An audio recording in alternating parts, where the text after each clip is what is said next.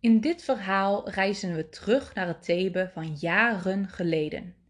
Daar regeerde koning Laios samen met zijn vrouw Jocaste. Hun huwelijk bleef echter kinderloos. Dat was voor Laios een reden om een bezoek te brengen aan het orakel van Delphi. Wees blij dat jullie nog geen kinderen hebben, sprak het orakel. Want als uw vrouw een zoon baat, zal hij, eenmaal volwassen, zijn vader van het leven beroven. Laios was natuurlijk enorm in de war door deze noodlottige voorspelling. Hij ging naar huis en besloot daar maar eens wat meer afstand te nemen van zijn vrouw. Maar toch, je raadt het misschien al, werd Jocaste zwanger. Na een aantal maanden bracht ze een kind op de wereld. Het was een jongetje. De ouders bevonden zich allerminst op een roze wolk. Bevreesd voor wat het orakel had voorspeld, gaven ze het kindje aan een herder. De herder moest het de vondeling leggen in de bossen, zodat het werd overgelaten aan roofdieren. Lion en Jocaste wikkelden het kindje in touwen en doeken nadat ze, je gelooft het niet, de pezen van zijn voetjes hadden doorgesneden.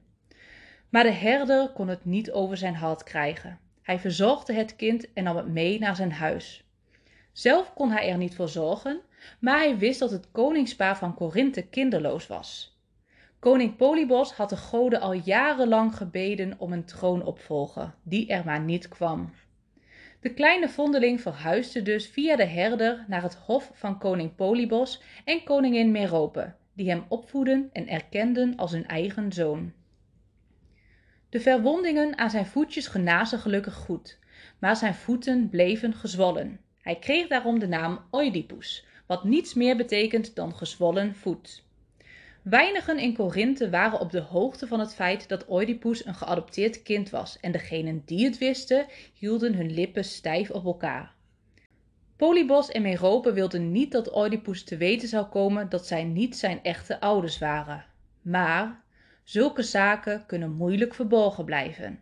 Het kwam namelijk wel eens voor dat zijn vrienden tijdens een ruzie of wanneer iemand te veel gedronken had hem bastaard noemden. Zijn ouders lachten die belediging weg, maar het zette Oedipus wel aan het denken. Uiteindelijk besloot hij naar Delphi te gaan om er het orakel te raadplegen omtrent zijn afkomst. De vraag wie zijn ouders waren, liet het orakel onbeantwoord. Maar wat het orakel hem wel vertelde, was gruwelijk. Je zal je vader doden en met je bloedeigen moeder verfoeilijke kinderen verwekken. Oedipus, enorm geschrokken van deze voorspelling, besloot nooit meer terug te keren naar zijn ouders in Korinthe.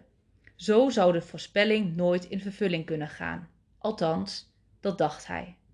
Met paard en wagen nam Oedipus de weg naar Thebe, waar hij op een gegeven moment een gespan tegemoet komt. Een man van rond de vijftig met grijzende slapen, vergezeld van een wagenmenner en nog drie dienstknapen.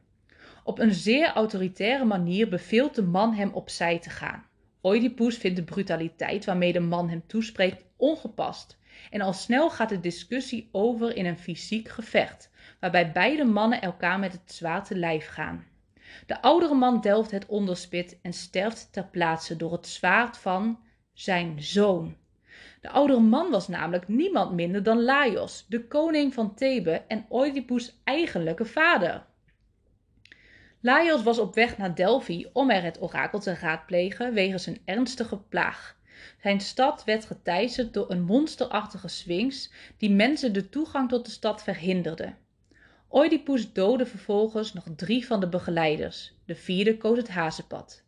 Zonder te beseffen dat het eerste deel van de voorspelling hiermee al in vervulling was gegaan, zette Oedipus zijn weg naar Thebe voort.